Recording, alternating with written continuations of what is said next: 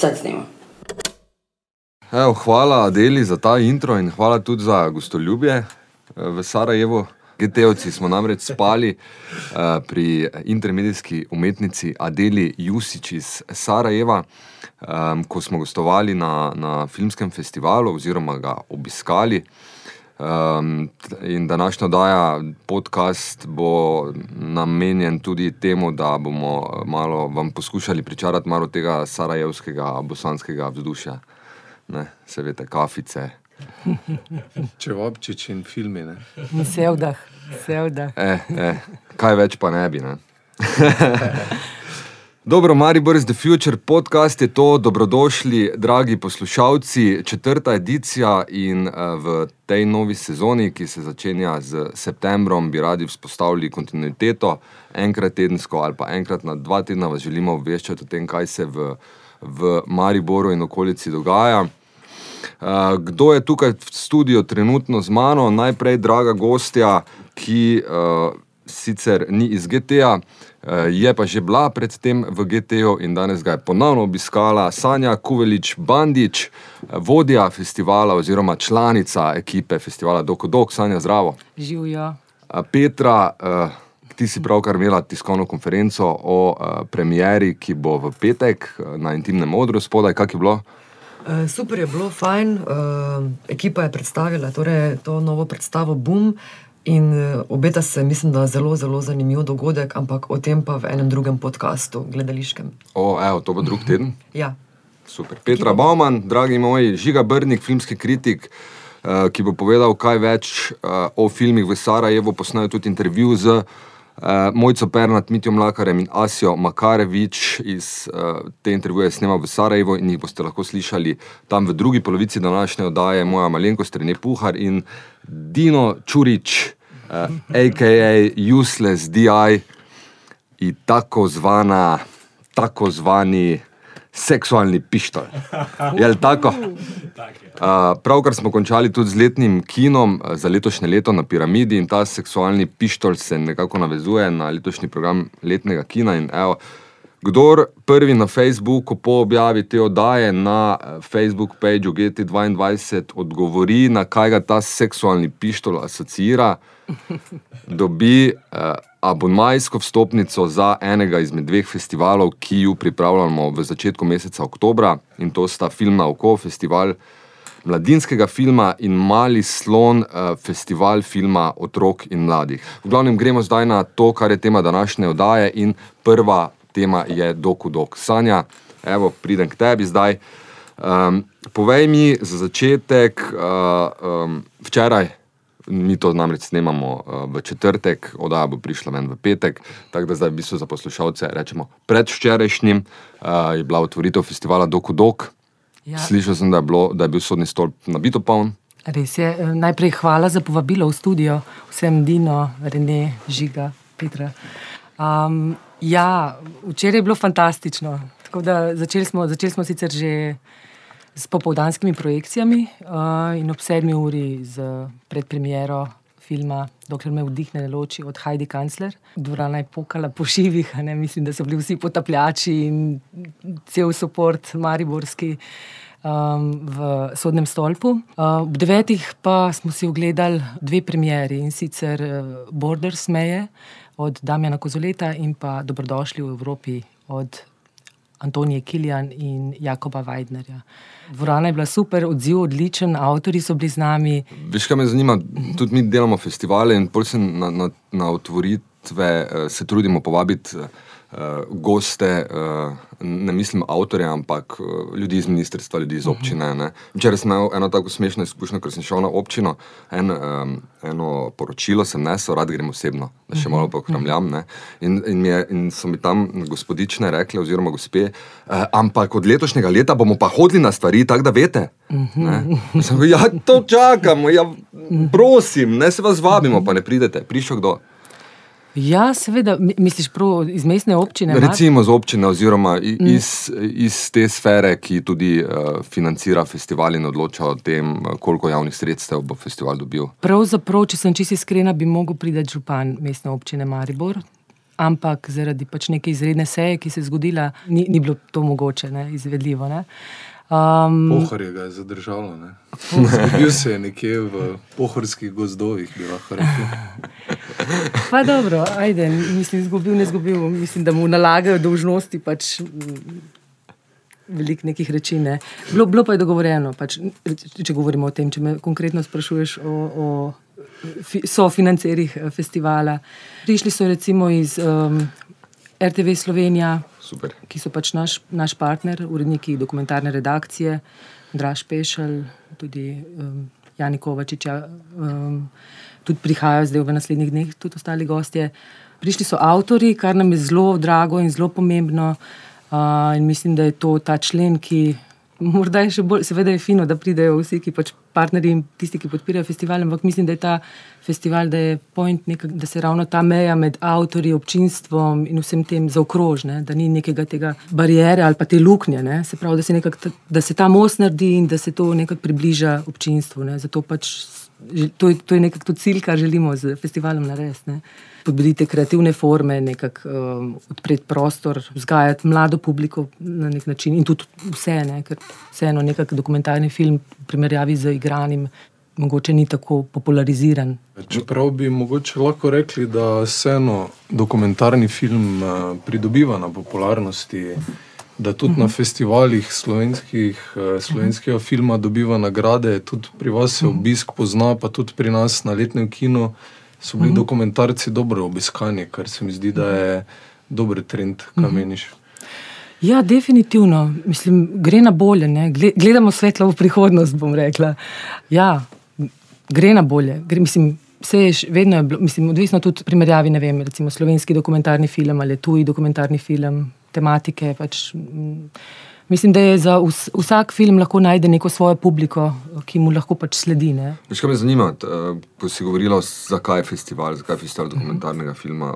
Kaj pa ta um, premik zdaj, eh, konceptualni, včasih smo govorili o reviji uh -huh. dokumentarnega filma, zdaj pa je dolgo postal mednarodni festival. Uh -huh. Revija slovenskega dokumentarnega filma se je začela leta 2012, ko je bil Maribor Evropska prestolnica kulture. Uh -huh. Takrat je pač na pobudo Mihe Černeca in Vlada Škafarja, ki sta povabila Majo, da Majo malo saždari, da nekako začne celo zgodbo in jo zastavi v Mariboru. Takrat smo pozvali, takrat je nekako bolj temeljilo na slovenski produkciji, pozvali smo vse partnerje, ki pač v Sloveniji ustvarjajo dokumentarne filme. Tako da je bil fokus samo na slovenskem, predvsem. Uh, 2014 pa smo nekako vključili, sicer smo tudi 2013 že počasi nekako poskušali kak tuj film notri dati.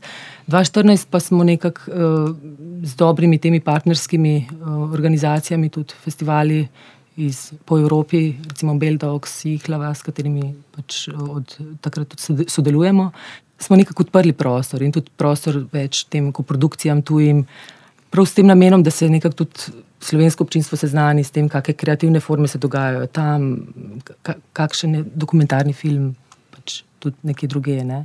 Mhm. Tako da ja, vsako leto malo več dodajamo dodajamo. In Ampak festival Začinjamo. ostaja, festival ostaja v bistvu slovenski in želi predstaviti celotno paleto dokumentarnih filmov, ki so nastali v zadnjem letu. Mi imamo odprti poziv, se pravi za slovensko dokumentarno produkcijo. Um, letos se jih je prijavilo 66 uh, dokumentarcev, zdaj mislim, da jih je, koliko jih je v programu. 50 dokumentarnih del uh, prikažemo letos v petih dneh. Um, mislim, da jih je okrog 35 bilo pač izbranih um, iz, iz tega, od teh 66. Tako da ne, mislim, ne moreš celotne. Mislim, če bi hotel celotno produkcijo, bi lahko veliko raziskal, mislim, ni mogoče. Ne? Uh, je pa kar impresivna številka, mogoče ne 66 slovenskih dokumentarcev. Uh, koliko spremljate ta gibanja, zakaj je toliko povečan interes, tudi mogoče zaradi družbenih gibanj v Sloveniji, zaradi problematike beguncev, na katero je tudi veliko filmov nastalo. Uh, ali je tudi več avtorjev, ki si upajo lotiti uh, te forme uh, filmske? Mislim, da mogoče tudi vse to, kar si zdaj omenil, žiga, ne glede na število dokumentarcev, ki nastajajo, um, mislim, da je ključno to, koliko ti nekdo zaupa, da bo pač sploh prijavil svoj film. Ne? Ker lahko bi nastajalo lahko bi bila hiperprodukcija dokumentarnih filmov v Sloveniji. In če ti pač nekak avtor oziroma producent ne zaupa, ti pač filma ne bo ne vem, prijavil recimo, na odprti poziv in, in tako naprej. Ne? Ampak ja, dogaja se, recimo, velike ne vem, neodvisne produkcije mladih, ki vse več počnejo, delajo, so kreativni, raziskujejo, potujejo. Recimo, vem, enega od takih avtorjev smo videli tudi na dogodku letnem kinu, na letnem kinu na Piramidi, recimo Miha Mohorič. Je bilo, to je bil pač eden preddogodek festivala, ki smo ga izvedli v sodelovanju z mobilnim udarnikom in Društvom za razvoj, razvoj filmske kulture v Mariboru. Recimo Miha je en tak avtor, ne, tak prodoren, drzen, takšen, ki si upa ne, in gre. Mislim, da je tu ključna neka iskrenost in um, to je ta neka iskrenost avtorjev, ki pač potem nekako zaokrožijo, kaj je to dober dokumentarni film. Ena super zadeva se mi zdi dokumentarno ime. Ja. Letos je to Filip Robert Dorin. Uh -huh. Na kak način um, potem uh, obeležite uh, ta dogodek, uh, povabite avtorja? In... Uh -huh. ja, ja, dokumentarno ime to je pač en tak biser festivala, že od samega začetka, um, re, ko, je bil, ko je bila že revija. Um, Zdaj, naša dokumentarna imena so bila iz preteklosti Jože Pogačnik v 2012 letu, 2013 Mako Sajko. 2014 Helena Koder uh, in 2015 Ivan Belec. Um, letos Filip Robert Dorin, seveda. To je pač en tak, um, mogoče če rečem, um, ena taka srčica festivala, ko želimo nekako izpostaviti enega avtorja, ki je pustil nek poseben pečat v dokumentarnem filmu in ga pač tudi počastiti z plaketo dokumentarno ime Um, zdaj, predvsem zato, da nekako odpremo, ker to so izjemni avtori, ki imajo ogromno kilometrino, ogromno zgodb. Mislim, te filme nekako um, na nek način niso več tako, morda njihovi filmi prisotni v tem prostoru in ljudje jih ne poznajo, predvsem mlajša generacija. Tako da se nam zdi to zelo pomembno osvetliti ta segment. Ne? Recimo lansko leto smo, če rečemo, na rekovajih rešili en film od eh, reži, eh, direktorja fotografije uh, Ivana Belca, ki je bil naše dokumentarno ime. To je bil dokumentarni film Libija, ki se je recimo prvič predvajal leta, mislim, da 66 uh, na RTV Slovenija in potem je ostal tam v arhivu. Ne. In ko, pač, ko smo z Ivanom iskali, um, ko so se pogovarjali, kaj bi, kaj bi prikazal, kater film, in je on rekel, da obstaja ena Libija, da je mu stavka to Libijo. Mi smo dobesedno nekako rešili, mislim, nismo mi, ne, ampak pač smo prosili RTV, pomagali so nam tako pač ta film iz arhiva, ki je bil, že, bil uničen. Mislim, ta film čez deset let več ne bi obstajal. Ne. So ga pač, ne vem, kako se to vse naredi. Pač, um, Prečistili so ga, um, poštimali, tako da ta film zdaj obstaja, je zabeležen, Ivan je presrečen. Uh, in smo si ga lan, lansko leto, recimo, ogledali po, po 50 letih, dolgo, dolgo festivalu. Mislim, to so take neke reči, ki, ki so zelo močne. Želimo jih nekako nositi skozi cel festival in tudi vedno vabimo v naše dokumentarne imena, da vsako leto pridejo Mako Sajko, je zopet naš gost, uh, kot vsako leto. Mhm. Leto smo se odločili, da bomo ta dokumentarna imena prenesli, da bomo imeli večere z našimi dokumentarnimi imeni v mestih, kjer oni živijo oziroma odkuder prihajajo. In letos smo imeli že s Heleno Koder, uh, ona je sicer rojena kamničanka, ampak živi v Kranski gori.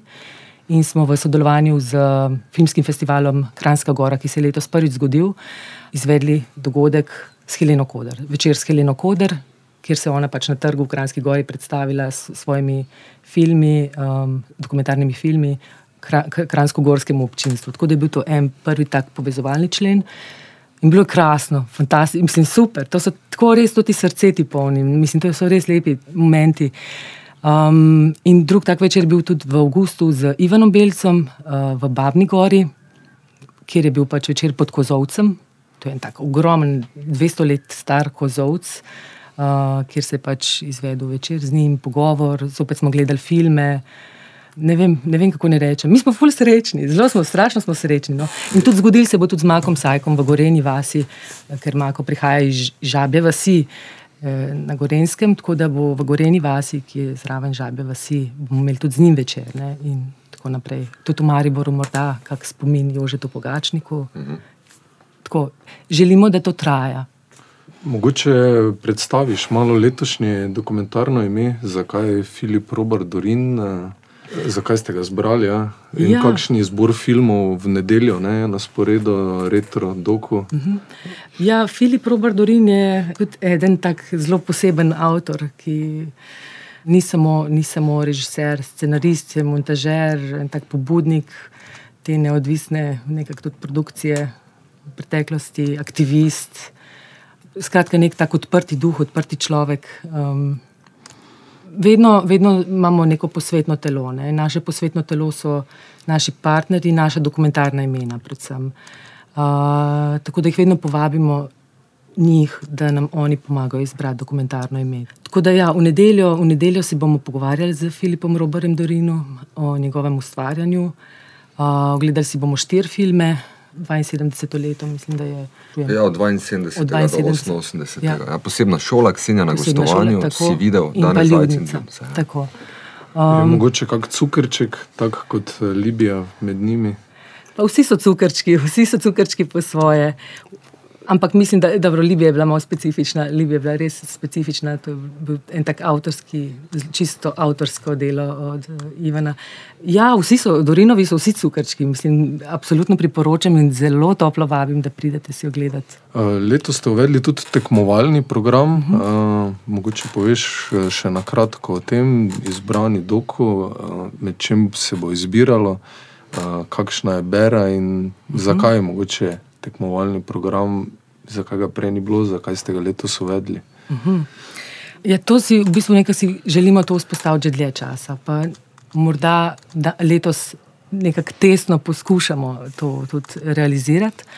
Tekmovalni program, recimo, da rečemo tekmovalni program, um, 13 jih je med, uh, v tem tekmovalnem programu, ki se mu pa želimo, želimo mu nek poseben, poseben, posebno čast s, s tem nazivom uh, izkazati. Uh, ta doku izbrani bo. Um, izbrala uh, žirija, ki jo sestavlja Rada Šešič, uh, Andreja Kun in pa Maja Malo Saždari.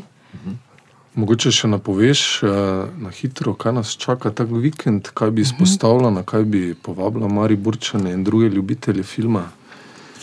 Gotovo vabi tudi eh, edina projekcija na prostem v Žičkem dvoru. Uh -huh. Kako ste prišli do tega, da je to v bistvu prej še ne filmska lokacija? Ja, za petek bi sigurno pozorila na um, večerno projekcijo Nara je človek, uh, imamo premiero filma tega, in pa uh, na projekcijo filma Zid smrti in ostalo. To je zmagovalni film letošnjega Beldogsa. Tako da lepo vabljeni na projekcijo avtorja Mladena Kovačeviča. Eh, Sobotni dan pa je nekoliko tudi fokusiran na ukrajinski film, eh, ne izključno samo ukrajinskih avtorjev, ampak tudi pač eh, film, ki se do- dotika Ukrajine kot takšne. Sicer bomo začeli že z doku zajtrkom, tako da vabljeni na rogliče, na kavo, pa na doku zajtrk ob gledanju filmov. Gledali si bomo dva filma, Bomži, cestni otroci iz Makejevke, Andreja Natererja, tudi mariborskega ustvarjalca, eh, filmskega ustvarjalca, eh, in pa Ukrajina na dveh bregovih, eh, Vlaste Jeseničnik in pa Siniše Gačiča. Zvečer bomo ukrajinsko tematiko preselili v Žički dvor, kot ste že rekli. Um, ja, odprli bomo prizorišče, ta, dogodek, ta del dogodka bomo iz, izvajamo v sodelovanju z Inštitutom za transmedijske umetnosti. V Žičkem dvoru si bomo ogledali premiero, slovensko premiero uh, filma Ukrajinska šerifa uh, Romana Bondarčuka, potem pa bo doku zabava uh, nazaj v sodem stolpu. Mogoče bi še za soboto osvetlila dve premieri, Duh opere Blaž, režiserja Blaža Šventa in pa Status Zero uh, Janja Severja. Tako da lepo, lepo vabljeni, zelo bo fino. zelo Sanja, iskrene čestitke, odličen festival delate. super.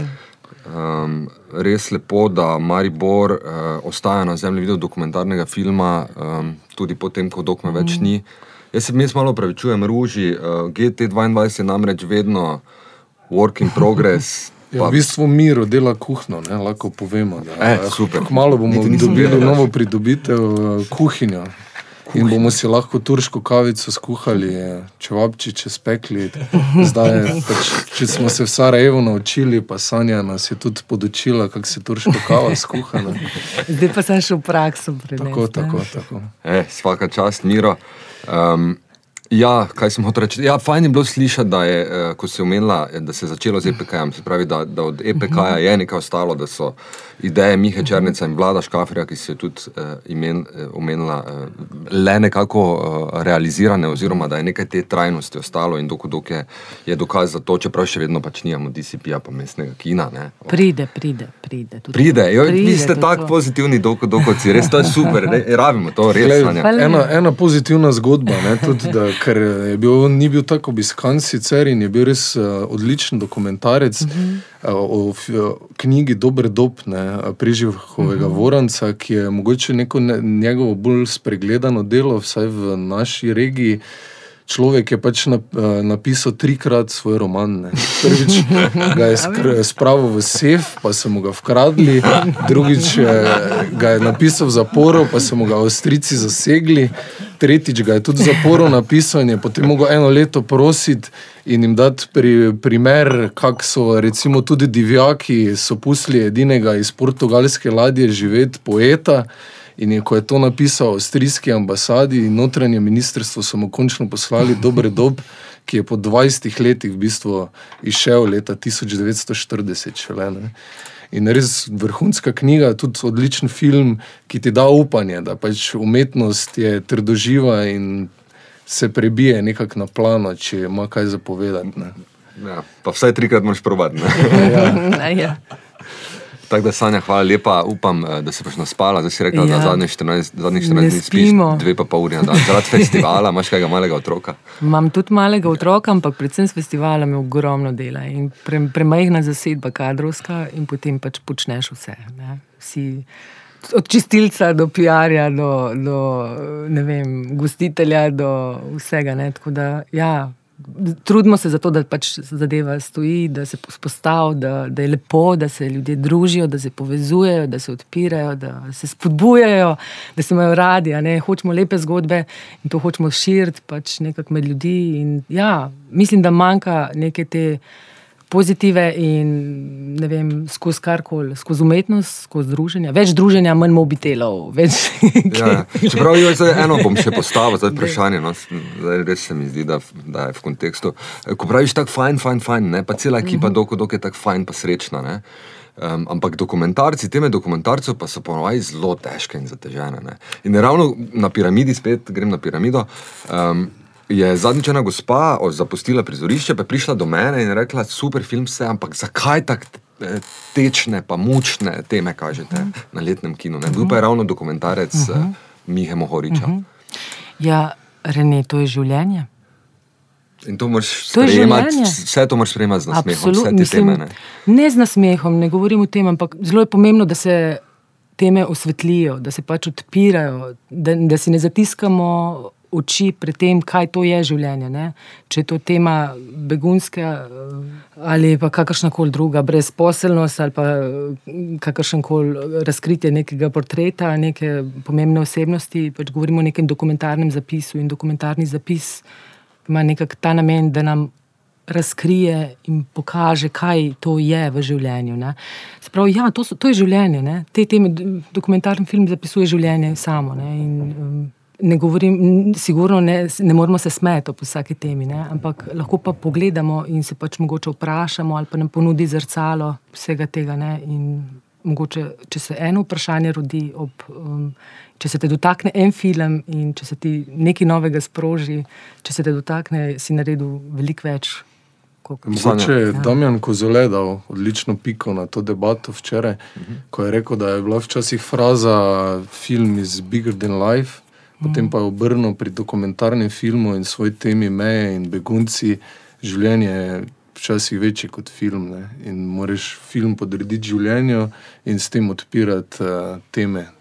Ja, evo, gremo, gremo eh, dalje z Sarajevom. Hvala, hvala, Sanja, še enkrat Hvala, tebi fantje. in tvojim Hvala prednikom, da, da ste pripeljali kavo v, v to regijo. ne. Ja, okay.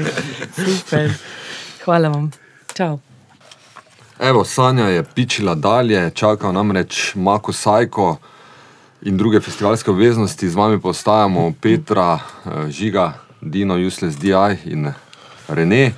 Eh, Žiga, veš z glave, kje je edicija eh, festivala Sarajevskega? Je bila to? Ne nazaj, gledaj, gledaj. Ja, Nisem videl, a, mislim, da je 22. 22, a? Ja. Kaj abona, abonmajski paket? Evo, lahko Za zbereš. mali slon? Ja, lahko zbereš. okay. Povej mi, uh, kak je tvoj pogled na to, da je že drugo leto zaporedoma dobil glavno nagrado v Sarajevu turški film, lani je bil to Mustang, letos film album. Gre za preporod turškega filma ali samo za dva uspešna filmska produkta? E, Ja, ne, v bistvu turški film je že kar uh, celo desetletje, bi lahko rekli, odličen. Uh, s tem, da se mi zdi, da mu ni uspel nekako preboj v mednarodne vode, koliko sem jaz spremljal art program, pa nekaj filmov smo tudi v Udarniku zavrteli. Um, so vsi produkti bili vrhunski, predvsem pa me navdušuje ta turška poetika, nekak, um, ki hkrati je ta malo uh, bližnje vzhodno uh, močna, čustvena, hkrati pa zadržana. Ali ne vem, ali je to zaradi bolj konzervativne, tradicionalne družbe in političnega vzdušja v državi, ampak uh, ima neko tako čudno dinamiko, ki te res potegne v film. Uh, zdaj, recimo, tudi če gremo mimo zmagovalcev, zdaj teh dveh. Mene je v bistvu bi je bil vrhunec letošnjega festivala tudi turški film uh, Blaznost, ki je res uh, zajel vrhunsko to politično vzdušje, ki se zdaj kuha v zadnjih letih v Turčiji z tem uh, političnim prevratom, s terorizmom, z uh, konspiracijami, z begunci, z vsem. In tam ta film res zajame v bistvu ponese nas, začne se z kadrom tega lepega, sodobnega Istanbula, in potem nas za te uh, lepe, bleščeče fasade popelje v predmestje Istanbula, kjer uh, vladajo totalni kaos, paranoja, te, teroristi se mešajo, represija, vrednote tradicionalne se rušijo, in to na koncu dva brata popelje v blaznost, kot bi bila neka simbolika propada te uh, turške, turške družbe in turškega političnega sistema, ki se nam dogaja trenutno pred očmi. Sarajevo Film Festival res zelo, zelo toplo priporočamo. Ravno gledamo 11. do 19. augusta, bo, na, bo uh, potekal naslednje leto. Uh, Sarajevo v času festivala resnično živi in poka po šivih, mesto je polno. Uh, Uh, filmi so odlični in biti del neke filmske projekcije v Sarajevu je tak eminenten dogodek. Počutiš se, počutiš se kot da je f- film res nekaj takega, kar, za kar se išče vedno karta več, ne? nekaj takega, kar v Mariboru imamo redko priložnost začutiti. Uh, ja, res je, celo mesto v bistvu živi uh, s filmom. Kot je tudi potem bomo slišali v intervjuju z Mojco Pernat, je odlično povzela, da nikjer še nisem doživela na festivalu, da v bistvu ljudje s ponosom grejo na film. To, In to. to nekaj v Sarajevu pomeni, da, da pokažeš karto, da si šel na festival, da si se pokazal na rdeči preprogi in, in da si se ga udeležil. In to res mogoče pogrešamo v Sloveniji, nek tak. Uh, um, Ponos, mm -hmm. na, da lahko mesto, neki, ki je bilo še vem, pred 20 leti v vojni, v bistvu po- postavi tak eh, mednarodni dogodek, na katerega hodijo tudi svetovne zvezde z veseljem uh, in postaja vsako leto v bistvu večji, vsako leto preraste svoje okvire. Je vsako leto večji. Ne? Ja, v bistvu je, seveda. In tudi po imenih, če gledaš, kdo ga obišče. Ne. Letos je bil Robert De Niro, pač bi, večje od tega ne gre. Ne. Ne. Uh, tudi dve leti nazaj, Brad Pitt, pa Angelina Jolie, lani Benicio del Toro. Tako je. Um, tudi Bono je pogosto obiskoval Sarajevo Film Festival. Petra, eh, ti si bila, eh, ti si tako pridno zbirala te roza festivalske vstopnice, zdaj jih imaš tudi pred sabo, ne? verjetno zdaj bomo, zdaj bomo šli eh, po tvojem programu, kako si letos obiskovala filme, se mi zdi, tako si si jih že Ja. zložila. Ne? Ja, sem. ne povej mi malo to tvojo izkušnjo Sarajeva, si bila prvič v času festivala v Sarajevu? V času festivala, ja, t- sicer ja. pa tretjič. Aha, aha. Mm -hmm. No, e, super. Kak je, kak je Sarajevo med festivalom in, in takrat, ko festivala ni? Ja, zagotovo drugače. Zdaj, eh, jaz sem se znašla pač kot um, sopotnica na tem um, vlaku za Sarajevo, čeprav smo šli z avtomobili. In uh, ja, kot rečeno, prvič na filmski festival, ki mm, je zagotovo narekoval um, eno atmosfero mesta, vzdušje v mestu, ki je bilo polno ljudi, tudi sicer je bilo veliko turistov, uh, ki bi, po moje, v tem času bili tudi, če ne bi bilo festivala, ampak tam okrog festivalskih prizorišč, ki so bili, bile enih, ki jih je bilo enih, koliko, štiri, pet, Uf, še več. še več. več, Aha, ja, jaz ja. pravzaprav tudi. No, uh, Nisem obiskala, seveda, vseh festivalskih prizorišč, ker je tega bilo preveč, kaj šele, kaj šele vseh filmov. Uh, skratka, ja, utrip mesta je takšen, da te potegne. Da, jaz sem se sprehajala tam po ulicah, malo sem se šla zgubiti, kar tako eh, na kavico, um, posedeti. Mislim, ni mi bilo niti minute dolg čas, tudi če nisem več čas gledala filmov, kajti um, moja bera teh stopnic za um, filmske projekcije je skromna.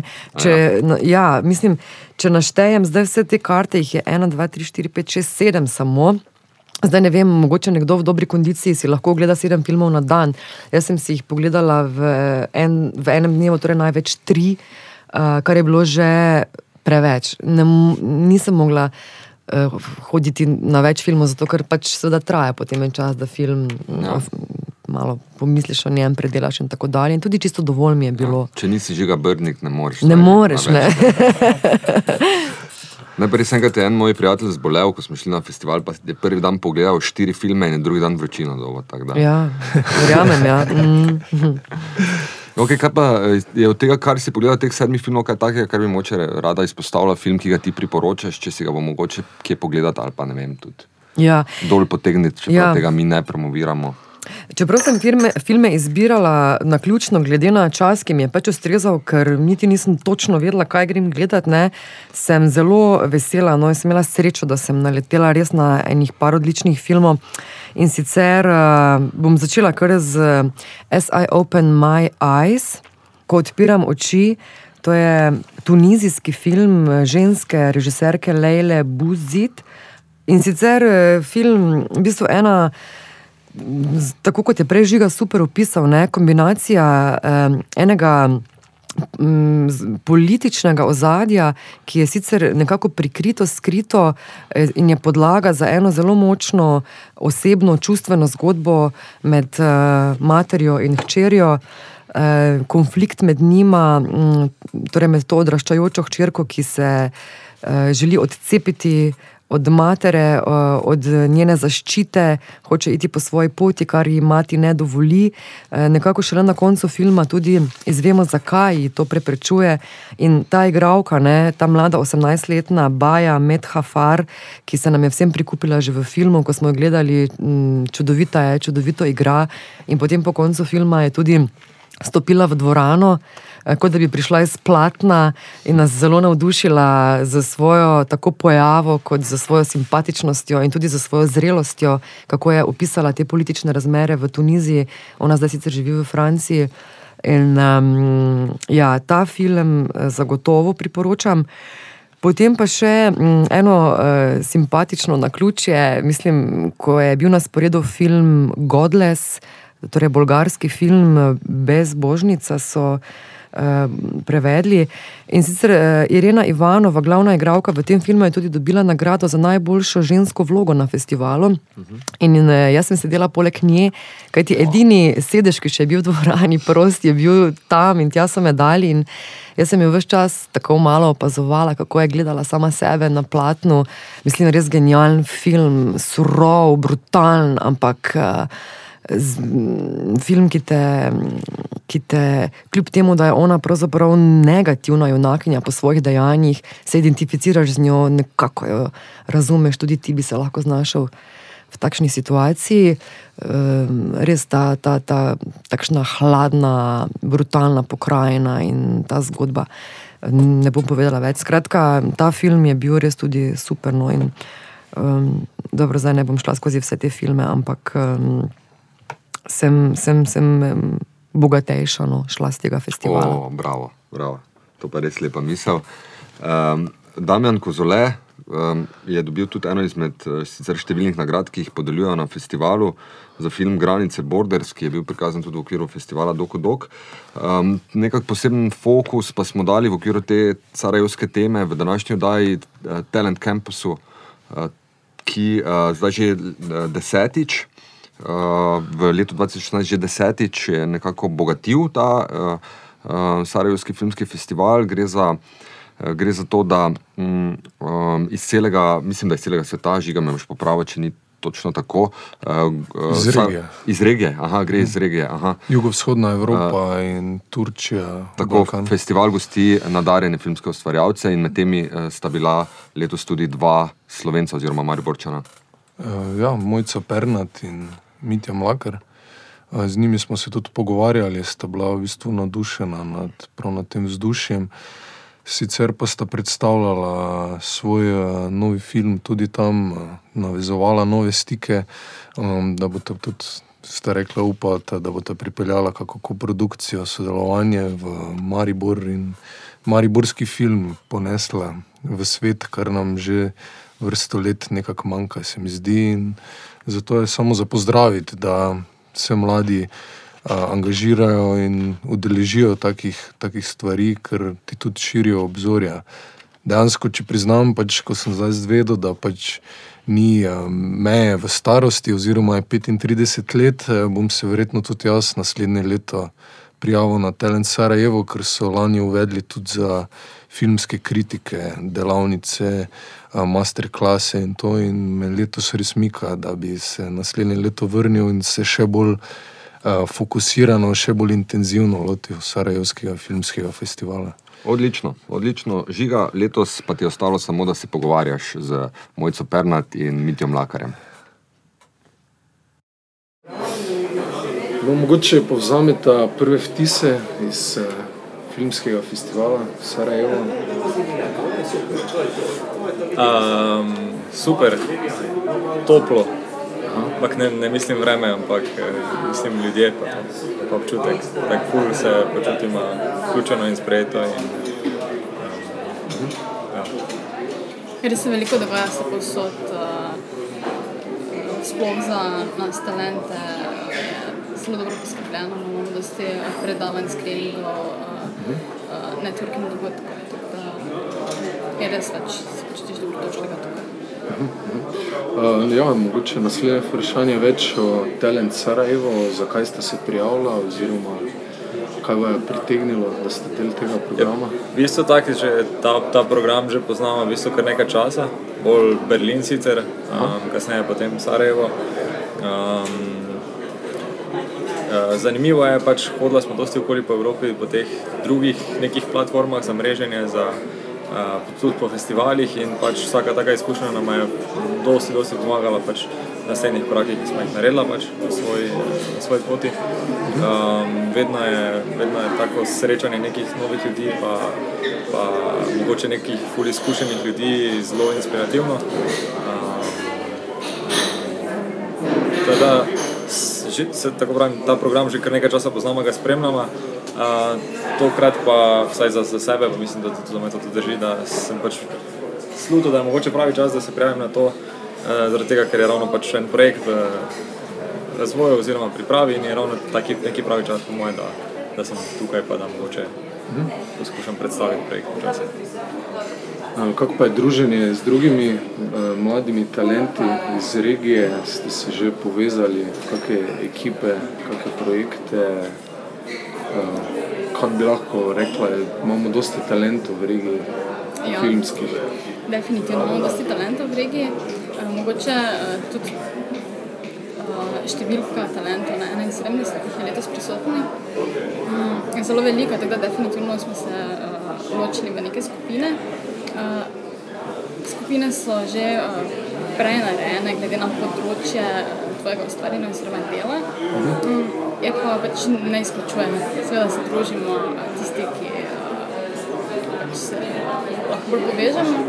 Mm, In uh, skoraj vsak uh, ima tr- trenutno en projekt, uh, pač, ki dela na njem, da se bistvu dosti pogovarjamo o naših projektih, izmenjujemo mnenje, izkušnje uh, in tudi uh, širimo uh, znanje, kako poteka uh, delo na projektu v drugih državah.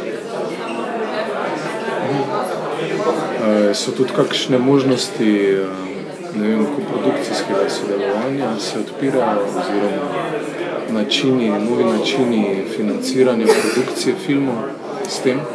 Mislim, definitivno se pogovarjamo o tem in diskutiramo, kako poteka produkcija v posamezni državi. Uh, in en drugemu predstavljamo projekte, na katerih trenutno delamo. In mogoče se bo našel kak partner, ki ne nujno na tem projektu, mogoče pa se bo povezal na katerem naslednjem. Hmm.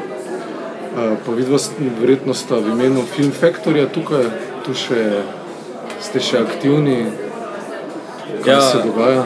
Uh, ja, se tako pravim, no tukaj smo zdaj ravno zaradi tega, oziroma zato smo se prijavili, zato smo videli, da je pač to kul čas, da se moče prijavimo to. Uh, zaradi tega, ker bi rada predstavila projekt, ki ga delamo v okviru Film Factory.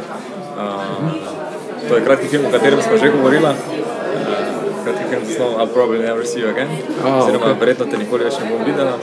Ki, z katerega smo letos uh, prejeli financiranje Slovenskega filmskega centra uh, in bomo v decembru snemali. Oh, okay. Ja, tako, teda to je glavni, glavni najmanj motiv, da smo tukaj. Um, na eni strani to, da spet spoznamo nove ljudi, da spoznamo neke druge izkušene ljudi, po drugi strani pa tudi, da počasi malo začnemo predstavljati projekt.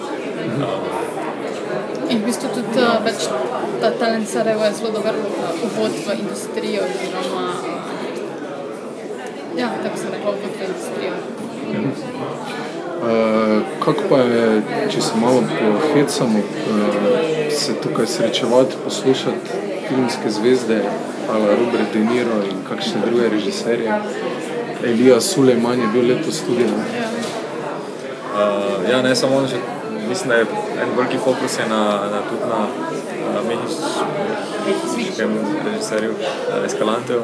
Um, Zanimivo je pač, uh, vedno mi je to proces zanimivo, pač, da te zgodbe za film slišim, čeprav po iskreno povedano sem veliko krat malo bolj razočaran.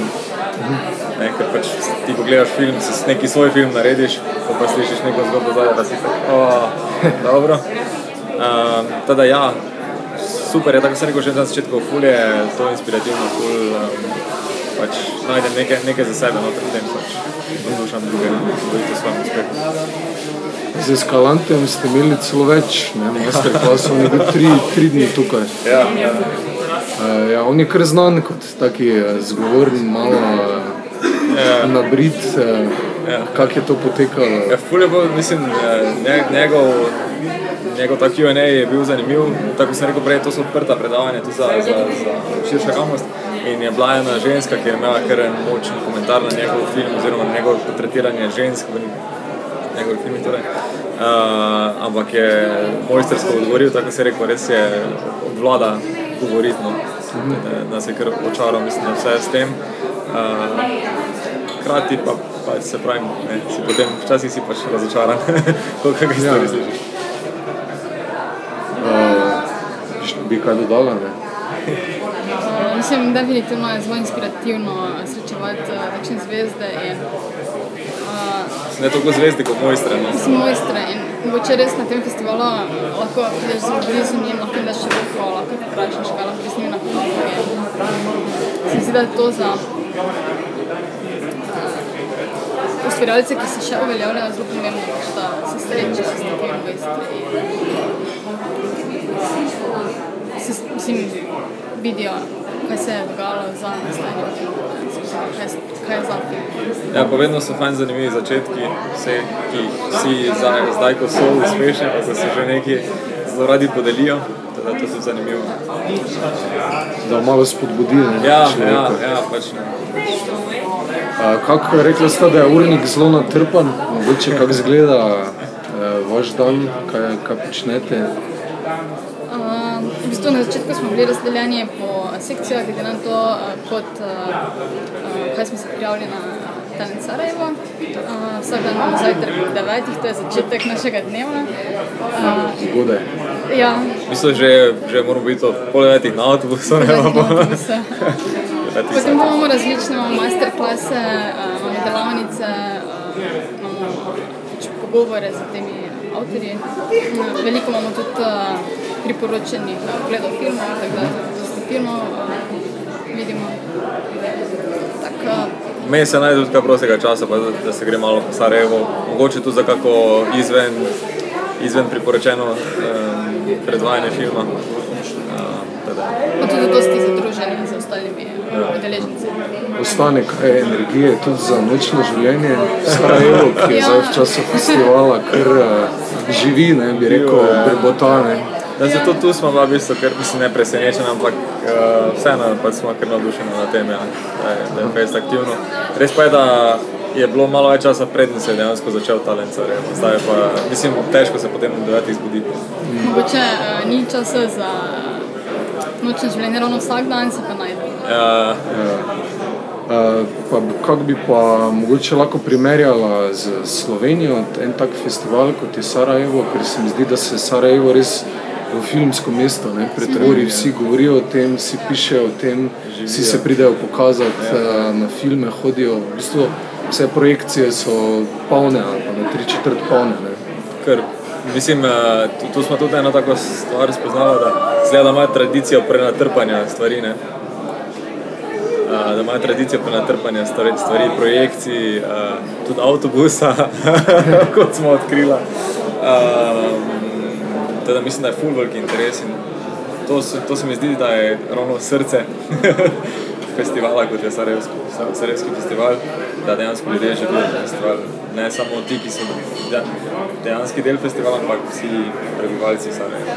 Um, tega, naprimer, na kakih drugih festivalih nisem tako doživel. Res, da so pa tisto mogoče tudi večja mesta, ne vem. Že Kanski festival je tak, tak, berlinski pa sploh, če, eh, če nisi del tega, sploh, mogoče sploh ne bi spoznal, da je tam. Mislim, če greš malo, ja, del. Jaz moram reči, da je malo presenetilo, v bistvu, kako mesto dejansko živi za festivalom in kako se tukaj dogaja. Ne? Uh, ker sem tudi prvič na festivalu. V Sarajevo, ja, tako da uh, ja, pozitivno me je presenetilo to in res uh, ljudje se, pač so ponosni, da grejo zvečer danes gledati film in grejo gledati filme. Mislim, da ponudi nek uh, program, ki v bistvu ga vsi verjetno z veseljem izkoristijo. Pa so kakšne izkušnje za prenesti v Slovenijo? Zadnje vprašanje. Glede festivala, organizacije, produkcije, kaj bi se lahko naučili od Sarajevčanov? Mislim, eh, Sarajevo Film Festival je tak kar top shit event, jaz ti moram reči, kar se tiče organizacije in kar se tiče, mislim, vse, vse segmente, ki sem jih jaz pač izprovide, so, eh, so res profesionalni. No. Um, Teda verjetno jim tu zelo dosti pomagajo neki partnerski festivali, v katerih se mogoče šijo, v glavnem res je organizacija zelo in zelo težko, da v Sloveniji, da bi zdaj v tem trenutku jutri naredili neko tako podobno stvar. Ne. Ker tu so vseeno leta, leta, leta in leta nekaj izkušenj, organizacija za njih. Definitivno pa je vedno, uh, pač, imaš priložnost opazovati in uh, pač se učiti glede organizacije, v mojem primeru. Ne, mogoče res ne več kar tako, ampak uh, bo kakšna priložnost, pa definitivno taki segment prenesti Ja. v Slovenijo. Pa tudi karkoli mi delamo. Ok, super. Hvala vam. Hvala. Hvala tebi. Ja, hvala, mojci in miti, da ste si vzela čas za nas in na naš podcast. Um, lahko pa že napovem, da, oziroma ne napovem, eh, gre za to, kar si želimo. Nismo še niti povedali, eh, mojci, pernat in miti. eh, Mlakarju, da želimo gostiti v okviru enega izmed sklopov programa, um, ki ga pripravljamo v letošnjem letu, ekstremno lokalno, kjer gostimo mariborske filmske ustvarjalce. Gostili smo že uh, Ano Pečar, v, v naslednjem mesecu želimo tudi Ujo Irgolič, Alenko Cilanšek, Marka Nabršnika. Um, zato bodo dotični vse še le izvedeli in bodo povabljeni, uh, in tudi uh, Mitijo, Mitijo in Mojca. Um, v decembru nekako načrtujemo, upam, da bo ta, ta podcast poslušala in da bo, da bo ta sprejela to povabilo, evo, tak, javno povabilo. Um, žiga pa se pogovarjal tudi z m, tisto, ki ima največ zaslug za Sarajevo uh, uh, Talent Campus um, in sicer z Asijo uh, Makarevič. Um, mogoče beseda ali kar prepustimo Asi. Uh, mogoče bi samo dodal, da je tudi ona kot vodja, zelo mlada oseba, to nekje v naših letih, kar se mi zdi zanimivo. In to tudi pri nas pogrešamo, da se mladim odpirajo mo možnosti za vodstvene uh, položaje, sploh pri delu z mladimi, ne? ker v Sloveniji opažamo, da je malo čudno, da še vedno 50-60-letni ljudje uh, delajo z mladimi, ko jih niti več ne razumejo, ta prepad med generacijami. Drugi podarek bi pa mogoče dal. Na konec je zelo zanimiv zaključek, se splača poslušati do konca intervju. Uh, se smo odprli tudi temo, Eh, kakšna je podpora za mlade filmarje? Se je zaključila, da je veliko talentov na Balkanu, v jugovzhodnji Evropi, ampak da vedno bolj peša institucionalna podpora filmanju in da imajo tudi vedno manj možnosti za ustvarjanje. Eh, in mislim, da je to tudi tema, ki jo v GTO z mobilnim udarnikom odpiramo, da pripeljemo sveže teme, sveže ustvarjalce, nove mlade obraze, eh, ki bodo prevetrili to kulturno, filmsko sceno v mestu in v Sloveniji in širše. Ne. Asja Makarevič. Evo, evo, možda za početak uh, Ove godine je deseta godišnjica Talent Sarajevo. Jeste. A, može kažete više što ste postigli neke značajne brojke, koliko je ljudi učestvovalo, što su dosegli? Aha, e, pošto se brojeva tiče, e, ove godine imamo 71 učesnika, e, ukupno iz 17 zemalja, iz regije jugoistočne Evrope i Južnog Kavkaza. E, što se drugih brojeva tiče, 38 eksperata i 72 master časa, dakle radionice, 72 ukupno eventa e, u kojoj ubrajamo i projekcije filmova, znači sve ono što je programski vezano za njih, uključujući prilike gdje se oni mogu međusobno upoznat, kao što su doručci, recimo, koje svakodnevno uh, organizujemo. Mm -hmm. e, a, a možda kako se izgradi ovaj program Talent Sarajevo u ovih deset godina? Da, da, pa poprilično se izgradio e, u smislu e, da imamo vrlo jednu jasnu strukturu e, programa koji dijelimo znači, na summit dio, tako ga nazivamo, e, studijski, odnosno laboratorijski dio i konkretno Talent Press, znači ogranak za filmske kritičare. Summit dio je jedan mm, više opći e, dio programa, znači predavanja, master časova, panel diskusija koji su otvoreni onaj E, za jednu veću grupu ljudi, e, talenata e, i u stvari za kombinovane e, profesije. E, pritome kad govorim o profesijama uvijek govorim e, o šest disciplina, to je režija, scenarij, gluma, filmska kritika, filmska fotografija i produkcija. I u principu, e, dakle, ovaj summit dio se odnosi na, na, na veće e, e, grupe koje su, recimo, kombinacije dvije, tri profesije, dok ove studijski i laboratorijski dio, kako mi to nazivamo, odnosno program radionica, je usmjeren na specifične profesije. Tako da imamo script station, znači radionicu za scenariste, imamo Uh, uh, pack and pitch je i za režisere i za redatelje recimo onda imamo acting studio za glumce imamo jednu interdisciplinarnu radionicu gdje su uh, zahvaćene sve profesije koje su zastupljene programom i konkretno odvojeno imamo talent press za filmske kritičare mm -hmm. uh, znači ono što se definitivno promijenilo u pa sigurno u zadnje tri godine je što smo uh, dali jedan veći naglasak na radionicama u odnosu na ovaj e, program razgovora, jer smo htjeli u stvari da razbijemo tu barijeru između eksperata kao učitelja, profesora koji dijele, dijele svoja znanja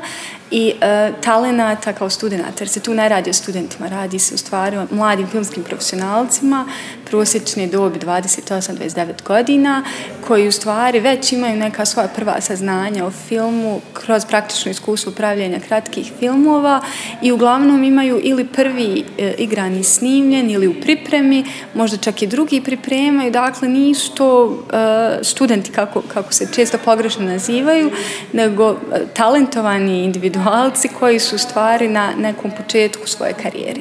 I ono što mi se trudimo programom da uspostavimo je da im u stvari olakšamo taj prelaz eh, ka filmskoj industriji, da ih upoznamo eh, sa ekspertima s kojima će raditi u budućnosti, eh, od kojih će crpiti inspiraciju s jedne strane, ali zašto ne i biti kolege s njima. Mhm. A, a kako birate učestvenike? Oni se prijave, onda... Oni se prijave, imamo uh, dakle uh, aplikacioni proces, oni su dužni da, da nam pošalju pismo motivacije, detalje filmografije, znači detalje iz CV-a, zatim svoj primjerak rada, sad ovisno da li je režiser ili scenarista u pitanju, kod režisera je to trominutni film ili isječak iz, iz dužeg filma, kod glumca isto, a kod scenariste je to dio iz scenarija, e, filmskih kritičara to su kritike naravno, tako da ovisno o, kojem, o kojoj disciplini govorimo imamo malo drugačija e, pravila. I e, u stvari gleda se individ, individua i gleda se u stvari kompletna ličnost, a ne samo primjerak rada. Jer smo zainteresovani ako neko ima manje iskustva, jaku želju, motivaciju, eh, da, da uđe u naš program i da, i da se poveže s mladim, znači i to uzmamo u obzir. Mhm. Pa ima koju granicu koliko treba da je stari ili... E, pa nismo sad bili rigidni što se Aha. toga tiče. Nismo, Aha. ali neko, eto, mislim možda nepisano pravo. Recimo da je gornja granica 35, ali svake godine ima neko koji je stariji, tako da, da, da. nismo, nismo stvarno onaj... Uh -huh. A, možda mi kažete još više o ovogodišnjem fokusu In and Out of the Light? Ja, pa u principu što je nama jako bilo zanimljivo ovaj, je to promišljanje e, o onome što je prikazano i odsutno. E, recimo prikazano na nivou slike, na nivou e, scenarija u smislu e, isto slike, ali izrečenog, nedorečenog, e, muzike i zvuka, e, ali ne samo ono što je odsutno pa poziva na maštu, nego principu kako prisutno i odsutno e, na na filmu, filmskoj umjetnosti su u jednom dinamičnom napetom odnosu. To nam je bilo zanimljivo istražiti, ali isto tako i šire gledano u filmskoj industriji. Dakle, postoji niz profesija koje su u fokusu, u nekoj žiži, na njima je, da tako kažem, svjetlost, a i ovi koji iz tame, iza scene, da tako kažem, djeluju. Znači, veliki dio, recimo, e, predstavnika festivala, e, ljudi koji su povezani sa distribucijom, e, e, prodajom, kupovinom prava za prikazivanje. To, to su, dakle, dosta je agenata tu uključeno, ali čiji rad ne vidimo onako, ne osjećamo ga kao što osjećamo rad glumaca, mm -hmm. režisera i, i onih da, koji su, kako bi rekla, u žiži javnosti. Tako da smo htjeli malo da se osvrnemo i na to, i na produkciju. Mm -hmm. I kako se bavite s tom temom? Imate razgovore, razgovore workshope? Naravno, to? naravno. Imamo da. i postoje niz sesija koje smo osmislili upravo da reflektiraju ovu temu. Aha. Da.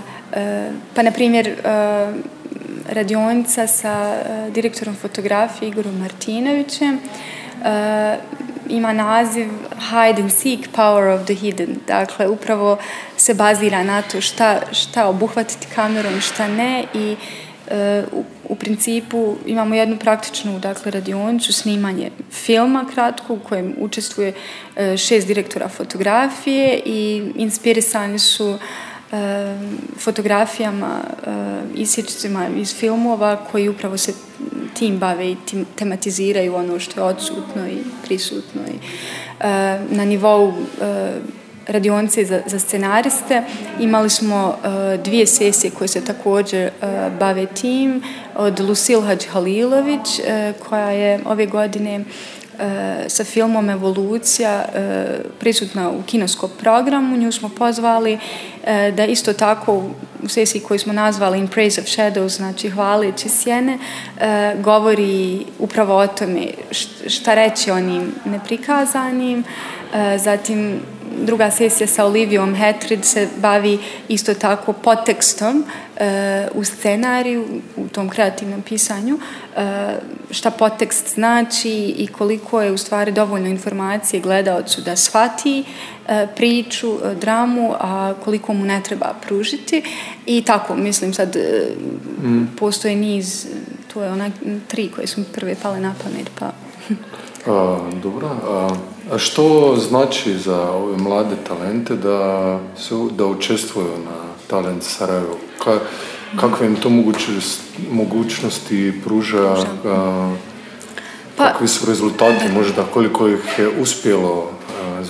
Koliko im je pomoli, pomozilo to? Da, da, da, pa e, naravno pomaže im dok su ovdje da se međusobno upoznaju, e, da, da, da eventualno se senzibiliteti povežu, prepoznaju jedni u drugima i da se udruže e, u timove za produkciju nekih svojih budućih projekata i to se pokazalo kao dosta uspješno kroz raniji projekat koji smo imali Sarajevo grad filma i realizaciju kratkometražnih mikrobudžetnih filmova, e, alumnija prethodne dvije generacije, dakle, e, programa Talent Sarajevo, a zatim mislim, učesnici, u stvari alumniji nam se vraćaju, evo konkretno ove godine imamo Nikolu Ljuču, E, koji je učestvovao na Talent Sarajevu sa svojom scenaristicom baš Stašom Bajac i koji se vratio, bio je e, najprije u Sarajevu, na Talent Sarajevu, pa Berlinale Talents, e, pa, je, pa se vratio na Cinelink produkcijski market Eh, i snimio je film koji je prikazan u Berlinskom forumu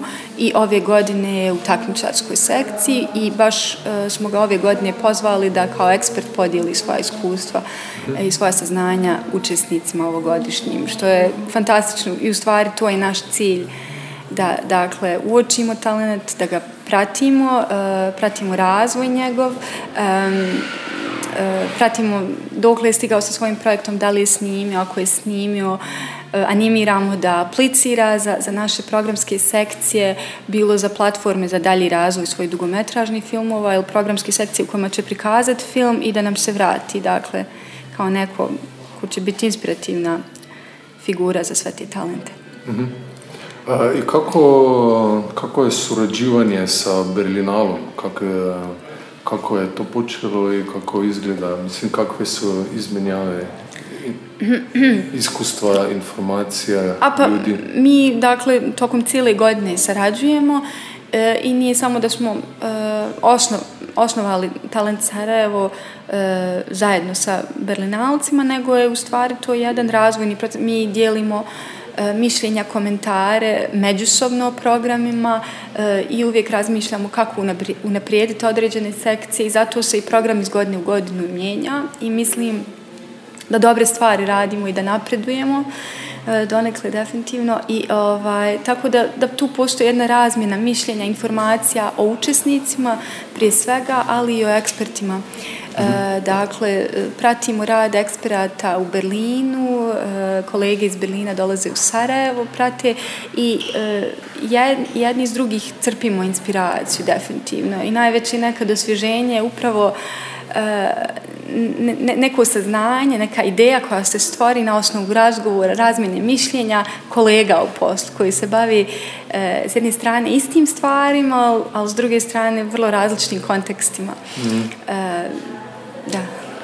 Pa kako je došlo do suradnje prije deset godina prije deset i do godina, ideje da, da. za Talent Sarajevo? Pa dakle, povezali su se direktori e, Dieter Koslik i Mirsad Purivatra e, i došli su do ideje zašto ne ne stvoriti još jedan uh, tadašnji talent kampus kao centar, regionalni centar mladih filmskih profesionalaca iz jugoistočne Evrope. Mm. Uh, jer fokusirati se dakle uže na regiju, uh, kolegi iz Berlina su upoznati sa nastankom Sarajeva film festivala, sa njegovim daljim razvojem i upravo na osnovu toga su došli na ideju zašto ne tako jednom moćnom regionalnom centru kinematografije u stvari priključiti, pripojiti i program za mlade filmske profesionalce i tako je došlo do ideje.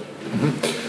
Pa vi imate uvid, ova regija još je uvijek filmsko nije tako razvijena, ali koliko ima talenta, koliko dobite prijava, koliko se radi među mladima na filmu u regiji? E, pa mislim, mi opet pokrivamo jedan relativno manji prostor u odnosu recimo na Berlinale kojim je na raspolaganju cijeli svijet e, i ove godine smo imali rekordan e, broj prijava, blizu 400, 370 je bilo čini mi se, i e, iz godine u godinu taj broj raste definitivno i raste i broj prijava za, konkretno za radionice, za recimo Peck and Pitch i Film Stage Studio. Peck and Pitch imamo već e, šest godina, a Film Stage Studio drugu godinu za redom organizujemo.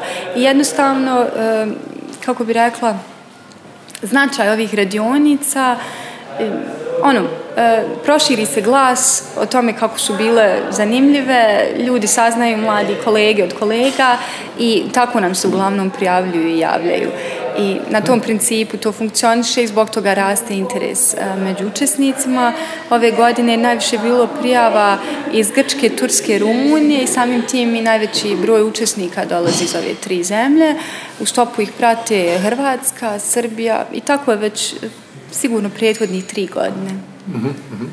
Tako da za budućnost filma u ovoj regiji ne, ne trebamo da se brinemo.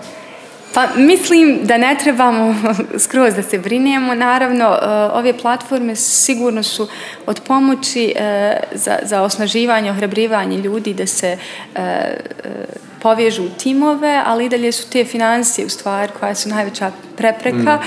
ali mislim da, da se udruženim snagama nešto može opet preko fondova sad ovih naših malih država relativno e, sa skromnim sredstvima nešto i postići recimo jedan makar procenat izvući novca i tražiti novac dalje u inostranstvu ne znam. Mm -hmm.